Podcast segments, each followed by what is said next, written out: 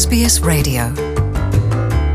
တရရှင်များရှင်အလုတ်လက်မဲ့ဖြစ်နေတဲ့ migrant တွေကိုနေဒေသတွေမှာအလုတ်ရှာပေးဖို့စီစဉ်နေတယ်ဆိုတဲ့အကြောင်းကိုတင်ဆက်ပေးမှာဖြစ်ပါတယ်။ Victoria ပြည်နယ်ရဲ့နယ်ဒေသတွေမှာလူဦးရေပိုများလာဖို့အတွက်ရည်ရွယ်ပြီးတော့မြို့ကြီးတွေမှာအလုတ်လက်မဲ့ဖြစ်နေတဲ့ migrant တွေကိုနယ်ဒေသတွေမှာအလုတ်ရှာဖွေပေးမယ့်အစီအစဉ်ကိုအကောင့်ထဲပေါ်နေပြီဖြစ်ပါတယ်။မကြာခင်မှာ migrant မိသားစုအခု90လောက်အတွက်နယ်ဒေသတွေမှာအလုတ်အကင်တွေနေအိမ်တွေ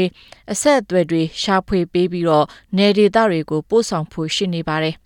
ဒုက္ခသည်တွေအခြေချနေထိုင်ရေးအတွက်လှုံ့ဆော်ပေးနေတဲ့ AMES AIMS Australia ကနေအလုပ်လက်မဲ့ဖြစ်နေတဲ့လူတွေကိုနေဒေသတွေမှာပို့ဆောင်နိုင်ဖို့စီစဉ်နေပေမဲ့လည်းတချို့ agency တွေကတော့ဒီအစီအစဉ်အောင်မြင်ဖို့ကူညီထောက်ပံ့မှုတွေကောက်ကောက်မွန်မွန်အရင်ထားရှိဖို့အရေးကြီးတယ်ဆိုတဲ့အကြောင်းပြောဆိုကြပါတယ်။ Victoria ပြည်နယ်အနောက်မြောက်ပိုင်းနယ်ဒေသတွေရဲ့လူမှုအတိုင်းဝိုင်းတွေအတွက်ကတော့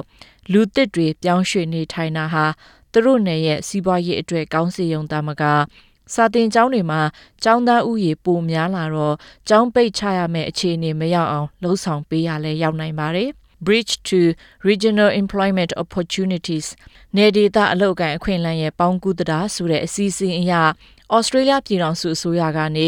ကူညီထောက်ပံ့မှုပေးနေတာဖြစ်ပြီး နေဒေတာကိုပြောင်းရွှေ့နေထိုင်တဲ့ migrant တွေအနေနဲ့ နေအိမ်တွေ အလုပ်တွေရရှိအောင်လှုံ့ဆော်ပေးရမှာ ကူညီဖို့အတွက် ဖြစ်ပါတယ်။အဲ့ဒီအစီအစဉ်နဲ့ ပတ်သက်ပြီး AIMS Australia ရဲ့ အကြီးအကဲ Catherine Scarth က အခုလို ပြောပြခဲ့ပါတယ်။ probably there's a, a, lack of understanding about the range and numbers of jobs that are available in regional um, Victoria ပြည်နယ်ရဲ့နေဒေသနဲ့ Australia နိုင်ငံနေဒေသတွေမှာရနိုင်တဲ့အလုပ်အကိုင်အမျိုးအစားတွေနဲ့ပတ်သက်ပြီးလူတွေနားလည်မယ်လို့မထင်မိပါဘူးလူအများစုကတော့နေဒေသတွေမှာစိုက်ပျိုးမွေးမြူရေးအလုပ်ပဲလုပ်ရမယ်လို့တွေးနေကြပါတယ်တကယ်တော့အလုပ်အကိုင်မျိုးစုံရှိတဲ့နေရာဖြစ်တယ်လို့ပြောပြခဲ့ပါတယ်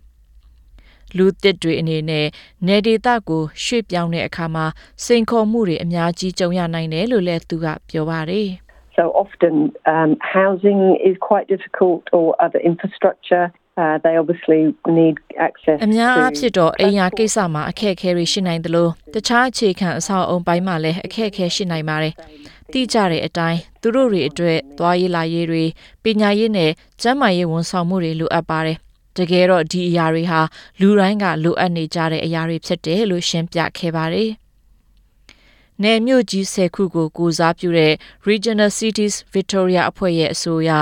လိုအပ်နေတဲ့အရေးအချင်းပြည့်အလုပ်သမားတွေကိုခေါ်ယူရွှေ့ပြောင်းနေထိုင်စေခြင်းကသာအရေးအချင်းပြည့်အလုပ်သမားရှားပါတဲ့ပြဿနာကိုဖြေရှင်းပေးနိုင်မယ်လို့ပြောပါတယ်။ ဒီနေ့အတိုင်းပြစ်မှတ်ထားလုပ်ကင်ဖို့စ조사ပေးမယ်လဲအောင်မြင်ဖို့ရအတွက်ကူညီထောက်ပံ့မှုတွေလိုအပ်တယ်လို့အဲ့ဒီအဖွဲ့ရဲ့ဥက္ကဋ္ဌ Margaret O'Rourke ကပြောပါတယ်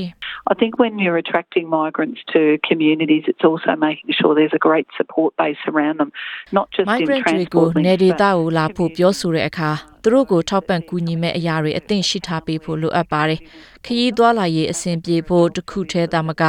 လူမှုအတိုင်းဝိုင်းတစ်ခုလုံးအသင့်ဖြစ်ဖို့လိုအပ်ပါတယ်။အဲ့ဒီလိုမှသာသူတို့ရောက်လာတဲ့အခါမှာသူတို့ကိုပံ့ပိုးကူညီတဲ့လူမှုအတိုင်းဝိုင်းထဲရောက်လာပြီးတော့အလောက်အကင်တွေရရှိမှသာလျှင်သူတို့ရဲ့စာဝတ်နေရေးတွေကိုအဆင်ပြေစေမှာဖြစ်တယ်လို့ပြောသွားခဲ့ပါတယ်။ Miss O'Rourke ဟာ သူမြို့တော်ဝန်အဖြစ်ထမ်းဆောင်နေတော့ဗစ်တိုးရီးယားပြည်နယ်အလယ်ပိုင်းမှာရှိတဲ့ဘယ်နီကိုမြို့စီကိုကရင်လူမျိုးတွေကောင်းမွန်စွာလာရောက်အခြေချရှင်သန်နေထိုင်နိုင်ကြတာကိုမျက်မြင်ကိုတွေ့တွေ့ခဲ့ရသူဖြစ်ပါတယ်။ The first Karen family came to Bendigo around 2007. Uh, there's close to 2,500 Karen people living here now. ပထမဆုံးတော့ကရင်မိသားစုတစုကဘယ်နီကိုမြို့ကို2009ခုနှစ်ဝန်းကျင်မှာစရောက်လာခဲ့ပါတယ်။ အခုဆိုရင်ဒီမျိုးမှာကရင်လူမျိုးအယောက်ပေါင်း2500နီးပါးရှိသွားပါပြီ။ကရင်လူမျိုးတွေဟာစက်ယုံတွေမှာတက်တက်ကြွကြွနဲ့အလုပ်လုပ်နေကြပြီးကျမစိတ်ထဲမှာမှတ်မိနေတာတခုကတော့ Hazelden Chicken ဆိုတဲ့ကြက်သားထုတ်လုပ်တဲ့စက်ယုံမှာအများအပြားအလုပ်လုပ်ကိုင်နေကြတယ်လို့ပြောပြသွားခဲ့ပါတယ်။အဖွဲ့အစည်းတချို့ကတော့တခြားလူတွေကိုနေဒေတာကိုလာဖို့မလုပ်ခင်မှာအရင်ဦးဆုံး ကားလမ်းရထားလမ်းတွေမှာရင်းနှီးမြှုပ်နှံဖို့လိုအပ်တယ်လို့ပြောဆိုနေကြပါတယ်။ဒီနှစ်အစောပိုင်းတုန်းကတော့ဩစတြေးလျအစိုးရကနယ်ဒေသတွေမှာအရေးချင်းရှိတဲ့အလုပ်သမားတွေနယ်ဒေသကိုတွားရောက်မယ်ဆိုရင်ဗီဇာကိုဦးစားပေးတဲ့အစီအစဉ်အတွက်ဒေါ်လာ30မတ်တီလှုပ်ဆောင်ပေးခဲ့ပါတယ်။ ဒါအပြင်ဝန်ကြီးချုပ် Scott Morrison ကနေဒေတာမှာအနည်းဆုံး3နှစ်လောက်အလုပ်လုပ်ပြီးမှဩစတြေးလျနိုင်ငံမှာအမြဲတမ်းနေထိုင်ခွင့်ရဖို့ရှောက်ခွင့်ပေးတဲ့အရေးချင်းပြည့်အလုပ်သမားဗီဇာအမျိုးအစားသစ်နှမျိုးကိုစတင်မိတ်ဆက်လာတာလည်းရှိပါတယ်။နယ်ဒေသတွေမှာလာရောက်အခြေချနေထိုင်ဖို့ဗီဇာနေရာ2300နေရာခြံထားပေးတာမျိုးတွေလည်းလှုပ်ဆောင်နေပါတယ်။ ဒါပေမဲ့ Settlement Council of Australia အဖွဲ့က Tammy Wolf ကတော့ migrant တွေအတွက်ရေရှည်မှာလည်းအလောက်ကန်ရရှိအောင်လှုပ်ဆောင်ပေးဖို့ကအရေးကြီးတယ်လို့ပြောပါတယ်။ there needs to be willingness from the community to provide to support social and economic participation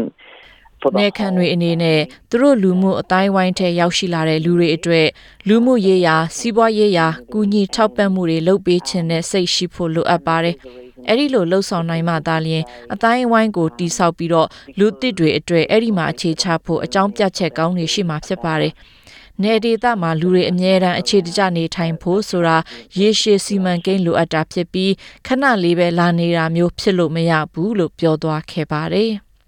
ဩစတြေးလျနိုင်ငံကဘယ်နေရာမှမဆို migrant တွေသွားတိုင်းလူမှုရေးစီးပွားရေးဖွံ့ဖြိုးတိုးတက်မှုတွေဖြစ်စေတယ်လို့လည်း Miss Wolf ကပြောပါတယ် အလုတ်လက်မဲ့ဖြစ်နေသူတွေကိုနေဒေသတွေမှာအလုတ်ကန်ရရှိဖို့လှုံ့ဆော်ပေးတဲ့ဝန်ဆောင်မှုကအခုအချိန်ကနေ2021အထိကြာမဲ့စီမံကိန်းဖြစ်တယ်လို့ရေးထားတဲ့ Stephanie Cosetti ရဲ့ဆောင်းပါးကိုတင်ဆက်လိုက်ရပါတယ်ရှင်။ Want to hear more stories like this? Subscribe to our regular podcasts on iTunes.